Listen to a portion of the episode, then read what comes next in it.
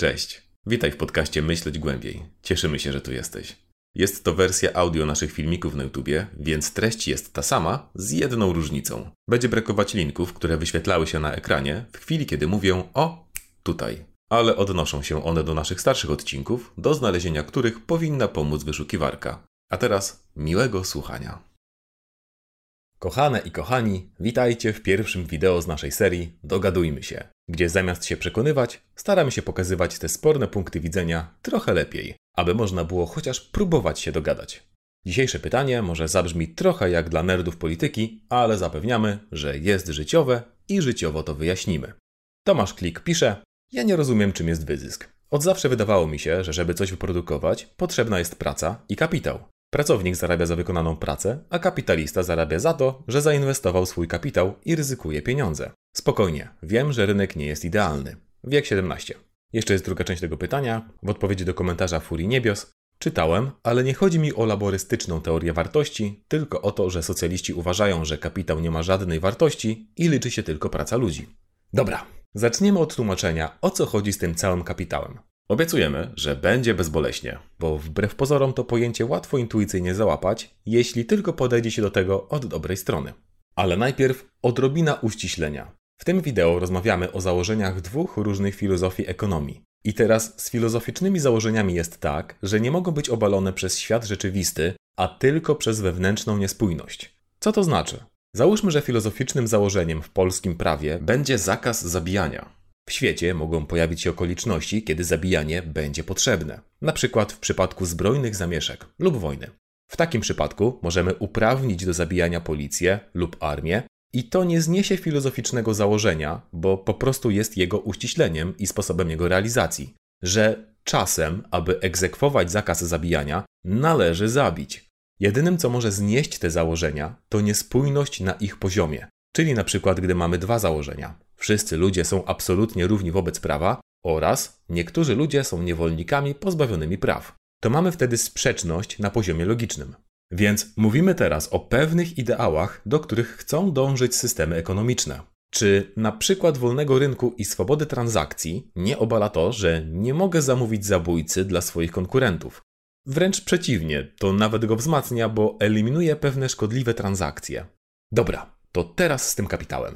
Scenka pierwsza. Wyobraźmy sobie sytuację, w której idziesz przez las i nagle słyszysz z krzaczków szemranie źródełka. Chce ci się pić, więc nachylasz się, bierzesz wodę w dłonie, zaczynasz ją pić i nagle szok. Ambrozja. Z ziemi dobiega czysty napój bogów. Woda o smaku białego monstera. Nie chcesz przepuścić takiego odkrycia, więc butelkujesz wodę, wysyłasz ją na ekspertyzę, przeprowadzasz różne testy i okazuje się, że nie tylko jest zdatna do picia, a wręcz ma działanie odchudzające i przeciwzmarszczkowe. Opracowujesz więc biznesplan, jak założyć ujęcie i mały zakład butelkowania wody, ale okazuje się, że ten kawałek lasu jest prywatny. Należy do Romka, więc i źródełko jest jego własnością. Romek zgadza się na wydobycie na swojej ziemi pod jednym warunkiem. Chce 30% zysków. Z jednej strony jest to zrozumiałe. Las jest własnością Romka, więc może tak zrobić. Ale z drugiej strony, no kurde, jakieś to słabe, że gość chce zarabiać na czymś, do czego nie przyłożył ręki. Nie masz szczególnie wyboru, więc przystajesz na to i twoja monsterzanka okazuje się być hitem, który wypiera wszystkie inne wody z rynku. Zyski masz olbrzymie, a Romek ma w nich udział. A teraz załóżmy, że Romek nagle znika. Nie wiem, porywają go kosmici. Co się dzieje? Czy monsterzanka przestaje istnieć? No nie. Pomijając pewne prawne zamieszanie z własnością, monsterzanka może wręcz stać się trochę tańsza. Taki rodzaj zarobku technicznie nazywa się rentą. To sytuacja, kiedy dostaje się pieniądze tylko za to, że coś się posiada, a ktoś inny to użytkuje. Oczywiście takie renty z ziemi były uniwersalnie hejtowane już nawet przez wielkiego tatusia kapitalizmu Adama Smitha. Rentier Romek nie tyle oferował dostęp do jakiegoś dobra, co w zasadzie blokował go, siedząc na nim jak smok na górze złota i odcinał sobie kupony od twojej pracy. Tu generalnie kapitaliści i socjaliści się zgadzają. Ok, odpalmy nasz eksperyment krok wyżej i scenka druga. Załóżmy, że pracujesz w fabryce, nie wiem, łyżek. W dziale produkcji pracuje tam 10 osób, z których każda zarabia 3000 na rękę. Rodzice ci mówią: Córciu, masz już pracę, więc zabieraj te swoje komiksy z panami i szukaj sobie mieszkania. Niestety, cała kasa na wkład własny poszła na mangi z panami, więc musisz coś. Okazuje się, że koleżanka z produkcji, Wiesia, ma kawalerkę po babci i jest gotowa wynająć ci ją za 1000 zł miesięcznie. Zgadzasz się i każdego miesiąca przelewasz Wiesi tysiaka i każdy miesiąc kończysz z sumą 2000, a ona 4000. Przy okazji też starasz się zaoszczędzić na własne miejsce. Natomiast Wiesi spodobała się opcja bycia właścicielką mieszkań i postanowiła kupić kolejne, które też będzie najmować. Zagadka matematyczna. Kto z Was pierwszy dorobi się mieszkania? Nie trudno zgadnąć, że będzie to Wiesia. W końcu tylko dzięki temu mieszkaniu ma na koniec miesiąca dwa razy więcej, chociaż obie pracujecie tyle samo na takim samym stanowisku. Jeśli chcesz zarobić więcej, to musisz robić nadgodziny. Za to Wiesia może dokupić sobie kolejne mieszkanie, a potem kolejne. Twoje zyski są ograniczone Twoim czasem i kompetencjami, a jej ilością posiadanych pieniędzy z najmu. Okej, okay. i załóżmy, że zdarza się znowu coś dziwnego i tym razem Wiesia zostaje porwana przez kosmitów. No i znowu nic się nie zmienia, przynajmniej z mieszkaniami Wiesi. Nie przestają istnieć, nie rozsypują się w pył, nadal są mieszkaniami. Po prostu nie są już wynajmowane. Owszem, może ona czasem zlecała jakieś tam drobne naprawy, ale to coś, co sama możesz zrobić. Czyli ponownie, Wiesia nie oferowała mieszkań, a blokowała do nich dostęp. Była smokiem siedzącym na mieszkaniu i odcinała sobie kupony od czyjejś pracy. Konkretnie twojej, przy łyżkach. I podobnie, gdyby zniknęli wszyscy właściciele najmujący mieszkania, nic by się nie zmieniło. Okej, okay, to brzmi dość nieintuicyjnie, ale tylko dlatego, że wynajmowanie mieszkań uważamy za coś oczywistego. Porównajmy sobie to do sytuacji, w której Wiesia prowadziłaby pensjonat przy ujęciu monsterzanki. Niby też wynajmuje, ale jednak są dwie spore różnice. Po pierwsze, wykonuje pracę. Organizuje sprzątanie, obsługę hotelową, obsługę gości. Po drugie, organizuje działanie pensjonatu jako pensjonatu. Gdyby zniknęła, owszem, nadal istniałby budynek, ale nie można by już do niego przyjechać na kilka dni, by cieszyć się kąpielami w Monsterzance.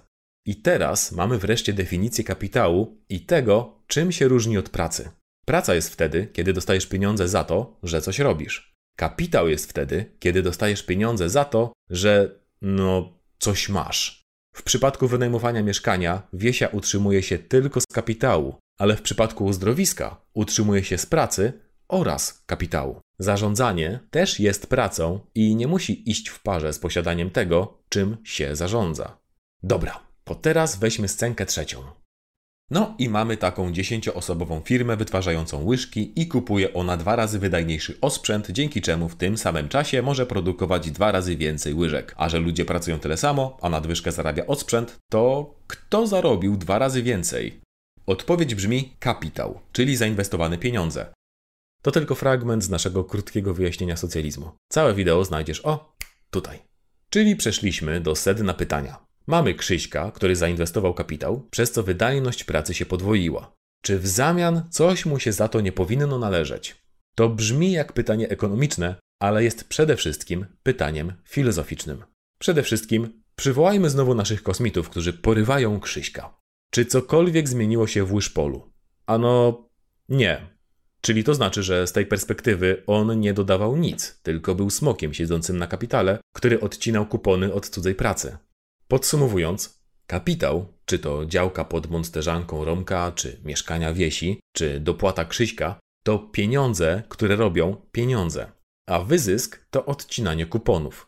I ważna sprawa, nie chodzi tu o to, czy tych kuponów odcina się dużo, czy mało, i czy ludzie, którym się je odcina, czują się z tym dobrze, czy źle. Wyzysk w tym znaczeniu nie jest oceną moralną, tylko terminem technicznym.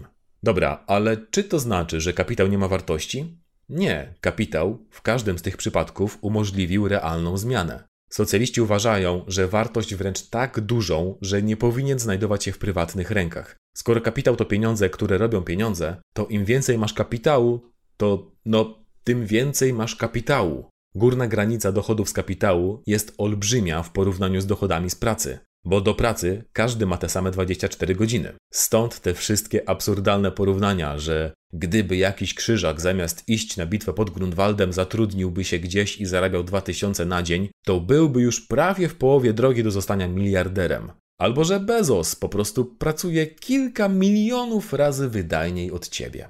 Wniosek wynikający stąd jest może nieintuicyjny, ale w socjalizmie nie byłoby możliwości inwestowania przez osoby prywatne. I to jest właśnie przykład założenia filozoficznego, o którym mówiliśmy na początku, czyli tego, wokół czego budujemy resztę systemu. W praktyce pewnie byłoby to niemożliwe w systemie tworzonym od zera, a na pewno nie byłoby możliwe, gdybyśmy chcieli do niego dojść. Czyli, podsumowując odpowiedź, kapitał ma wielką wartość i właśnie przez to nie powinien być w rękach prywatnych, bo to nieuchronnie spowoduje to rozwarstwienie społeczeństwa na klasę pracującą i klasę posiadającą, które mają przeciwstawne interesy. A socjaliści chcieliby, aby interesy ekonomiczne ludzi były zgodne. Jak? Przez to, aby każdy miał kontrolę nad miejscem swojej pracy lub zamieszkania. I warunkiem tej kontroli byłaby właśnie praca lub mieszkanie w danym miejscu.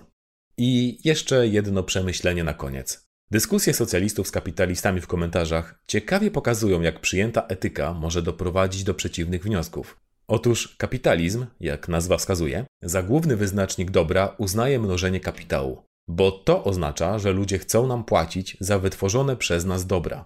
Owszem, do kapitału można dojść też w sposób nieuczciwy, ale to ostatecznie zweryfikuje rynek, bo nikt nie będzie chciał kupować od nieuczciwej firmy. Oczywiście! Ostatecznie można bezpiecznie założyć, że im więcej mamy kapitału, tym więcej dobra włożyliśmy w społeczeństwo. Natomiast w socjalizmie, jak znowu nazwa wskazuje, wyznacznikiem dobra jest bezpośrednio wspieranie społeczeństwa. Dlatego rozwiązania socjalistyczne są tak różne i demokracja w miejscu pracy jest tylko podstawowym z nich. Jak widać z treści tego wideo, te dwie optyki są ze sobą na tyle niezgodne, że obie strony mogą wzajemnie wyzywać się od pasożytów i nierobów. I będą mieć rację. Bo dla kapitalisty nierobem będzie pracownik, który tylko przychodzi odbębnić swoje 8 godzin dziennie i nie ma żadnej inicjatywy, aby zgromadzić kapitał i zacząć go mnożyć i tworzyć miejsca pracy i bogactwo dla wszystkich. Natomiast dla socjalisty nierobem będzie kapitalista, który wykorzystuje kapitał, aby zbierać coraz więcej ludzi, od których pracy może sobie odcinać kupony. Czyli kiedy kapitalista słucha socjalisty i odwrotnie, to zdaniem jednego ten drugi jest totalnym, zindoktrynowanym idiotą, który mówi wewnętrznie sprzeczne frazesy rodem z orwellowskiego roku 1984. Wolność to niewola, wojna to pokój, a nieróbstwo to pracowitość. Ale samozaoranie. Tyle, że nie, kochane i kochani. To samozaoranie jest tylko w oczach patrzącego. I nie ma tu jakiegoś pojedynczego systemu odniesienia, aby stwierdzić, kto ma rację. A na pewno nie ma sensu traktowanie wszystkich tak, jakby nasz system odniesienia był tym jedynym prawdziwym. Bo jeśli tak myślimy, to często znaczy, że po prostu nigdy go nie przemyśleliśmy, a przyjęliśmy po prostu na wiarę. I to właśnie jest indoktrynacja. A przynajmniej tak można na to patrzeć, aby dogadywać się trochę głębiej. Okej, okay. To był nasz pierwszy odcinek serii Dogadujmy się. Jak wrażenia? Jakieś sugestie? Pytania? Zostawię w komentarzu poniżej. Pamiętaj też, że sprawia nam ogromną przyjemność, kiedy naciskasz na nasze przyciski share, polubienia i dzwoneczka. I wiesz, co jeszcze bardzo lubimy? Pieniądze! Tak, wiem, nie lubimy kapitalizmu, a mimo to w nim uczestniczymy. Szachmat! Cóż za błyskotliwe spostrzeżenie. Musisz być bardzo inteligentny. Przepraszam. Nagrywam tą końcówkę wcześnie rano i jestem taki śpiący. W każdym razie chcę podziękować naszym patronom. A w tym odcinku do zaszczytnej loży czytanych moim aksamitnym głosem osób należą Adam Kępiński, Arald, Gami, Kowi BZ, M, Mariusz Wo, Ouli, Patrycja, Praptak, Sachi, Sushi oraz Wodzu Metal. Moi drodzy, kochamy Was. Dziękujemy. Ale ja naprawdę chyba zaraz się położę. Dziękuję Wam za obejrzenie. Trzymajcie się i do następnego odcinka. Pa!